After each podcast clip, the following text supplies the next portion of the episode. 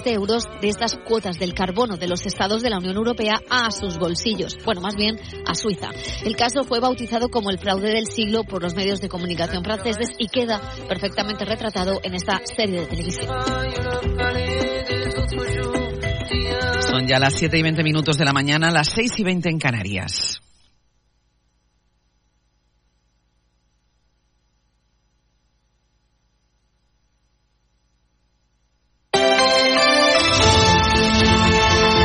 Hoy por hoy Cataluña.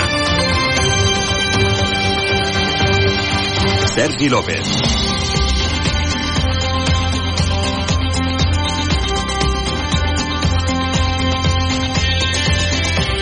Què tal? Molt bon dia. La falta de qualitat del sostre de l'àtic i l'acumulació de material en aquest punt són els factors que l'Ajuntament de Badalona considera els detonants de l'esfondrament de l'edifici del carrer Canigó que va provocar la mort de tres persones. Els Mossos continuen investigant les causes d'aquest sinistre. Ara ho ampliem.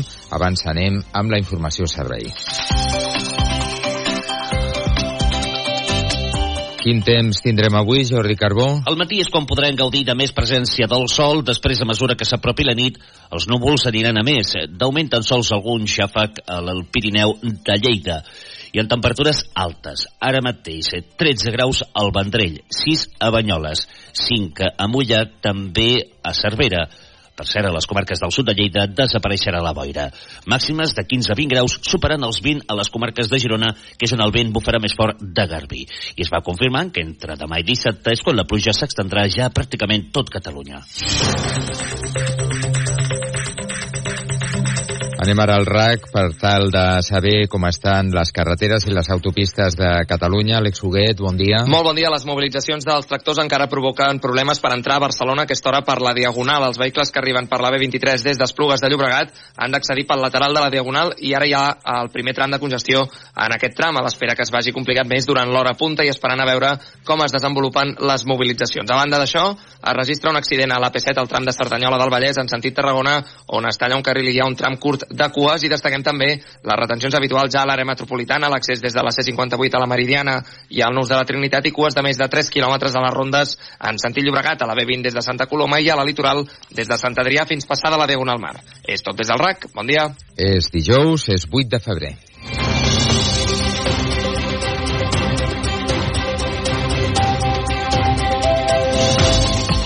Carles Couso, bon dia. Hola, bon dia, Sergi. Els Mossos continuen investigant les causes de l'ensorrament d'un edifici de cinc plantes a Badalona que va deixar tres persones mortes. L'Ajuntament creu que la falta de qualitat i de materials al sostre de l'àtic poden ser la causa de l'accident. Per això volen investigar els edificis similars d'aquella promoció. Sí, els bombers han trigat més de 24 hores a treure tota la runa de l'edifici. Una part de la coberta va col·lapsar dimarts al matí i va arrossegar cap avall la resta de pisos. Xavier García Albiol, alcalde de Badalona. El que jo conec perquè he parlat amb els veïns i el que he parlat doncs, també amb els tècnics que estan aquí treballant, amb bombers, és que el possible motiu de l'enfonsament és eh, la falta de qualitat i la falta d'alguns materials del sostre, del quart pis que era l'àtic. Ahir a la tarda es va fer una concentració en memòria de les víctimes de la plaça de la Vila i l'Ajuntament ha decretat dol oficial fins divendres. A l'espera que els bombers i els tècnics determinin les causes concretes de l'esfondrament del bloc de Badalona, l'arquitecte Vicente Guallar també apuntava ahir a l'Aquí Catalunya que cal buscar la causa a la teulada de l'edifici. La coberta és un lloc en general perillós, en el sentit de que és el lloc on es poden concentrar les humetats i si això no està bé conservat, pot haver generat que aquestes humitats hagin tingut alguna reacció amb algun material d'aquests que es feien servir en els anys 60 i fer que tot això comencés a col·lapsar. I ara parlem dels pagesos.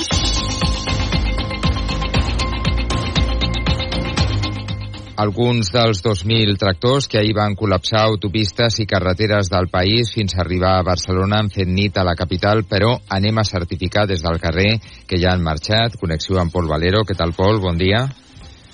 Bon dia, doncs Sergi, ara per la Diagonal hi ha un grup d'uns 40-50 tractors que ja estan fent via cap a les Terres de l'Ebre, però han fet nit eh, aquí a la Diagonal, eh, davant dels 5 d'Oros, a tocar de Passeig de Gràcia, eh, han passat la nit aquí. Ben bé com han pogut, eh, amb sacs de dormir, alguns eh, dins dels tractors, ahir la nit eh, per sopar es van organitzar, van fer una barbacoa, van fer carxofes i carn a la brasa, i ara, al matí, quan s'han llevat, s'han posat tots cap a dins del seu tractor, s'han fet una foto de família eh, davant de tots els vehicles i acompanyats de la Guàrdia Urbana han anat tirant eh, cap a casa seva, s'han esperat, diuen, perquè tenen fins a 10 o 11 hores de trajecte i no volien conduir de nit, cansats com estaven ahir de manifestar-se tot el dia. Foto de família per un dia que han de recordar els agricultors perquè va ser un èxit. Gràcies, Pol. Fins ara. A vosaltres. Arnau Baquer, bon dia. Hola, bon dia, Sergi. La decisió de marxar de Barcelona va arribar ahir al vespre després de l'acord entre el govern de la Generalitat i els representants dels pagesos. Sí, el govern de la Generalitat i els pagesos perdona, es tornaran a trobar d'aquí 15 dies per concretar mesures que resolguin alguna de les reivindicacions del sector agrari. 10 dies, 15 dies ens tornarem a trobar per fer l'anàlisi concreta i la detallada de cada una de les propostes i veure com som capaços de, de fer que aquest sentiment que té la pagesia del nostre país eh, que, de, per fer que puguem fer millor les coses perquè en definitiva es puguin guanyar la vida que és l'objectiu de tots plegats Mascort ha reiterat que les reivindicacions del sector són justes i que el govern els farà costat responent directament allò on hi tenen competències i traslladant la resta de peticions on faci falta.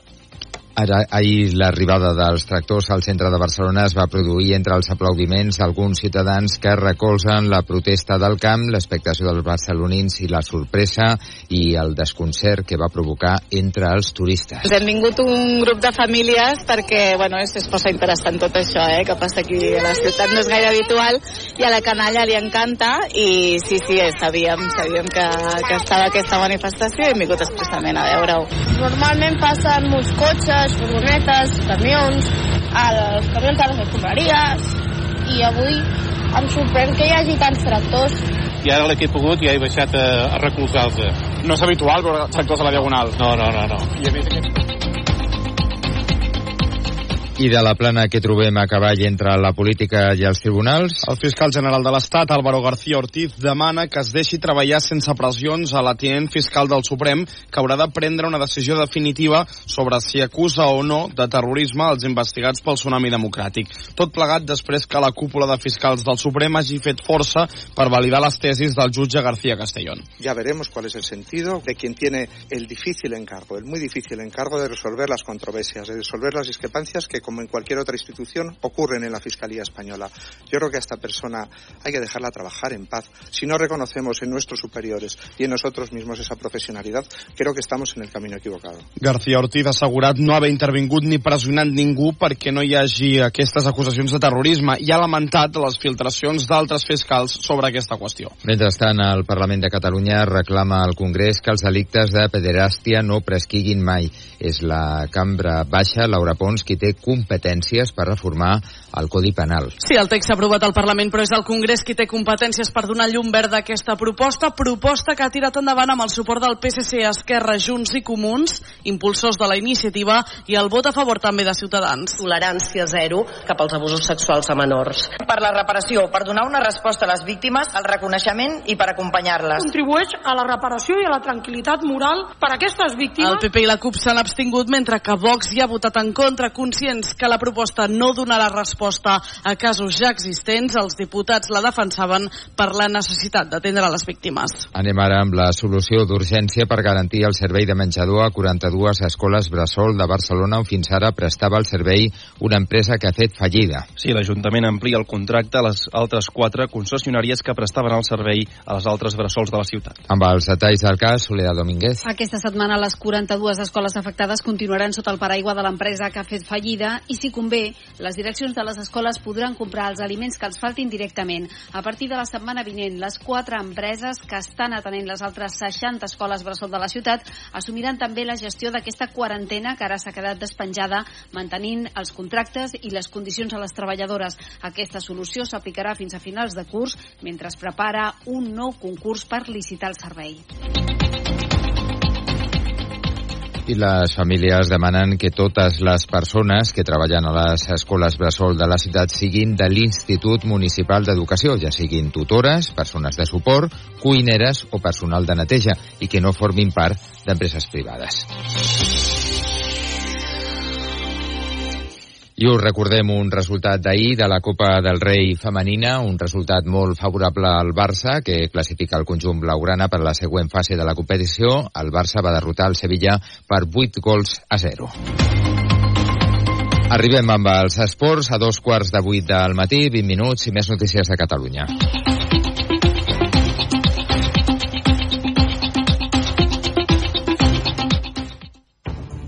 Son las siete y media, las seis y media en Canarias. Hoy por hoy, con Ángeles Barceló. Desde hace varios días, con un sonido se explica lo que está ocurriendo en las carreteras con las protestas de los agricultores a las que hoy se suman ya las principales organizaciones agrarias del país. Al Barcelona hi ha totes les empreses grans, que aquestes empreses són les que decideixen... Han pasado la noche en Barcelona muchos de los agricultores que ayer llevaron sus tractores al centro de la ciudad. En Valladolid se quiso sumar a la protesta el vicepresidente de la Junta, García Gallardo, de Vox. Aunque... Hacerse la foto no, hacerse la foto no. Uno de los manifestantes le reprochaba a hacerse la foto no, a aprovecharse de nosotros no. Menos aplaudir y más hacer, le decían al vicepresidente autonómico. Ayer fue uno de esos días en los que con algunos sonidos y algunas frases se explican muchas cosas en España y en el mundo. Sí, porque está, por ejemplo, esta frase de Netanyahu, donde se explica su rechazo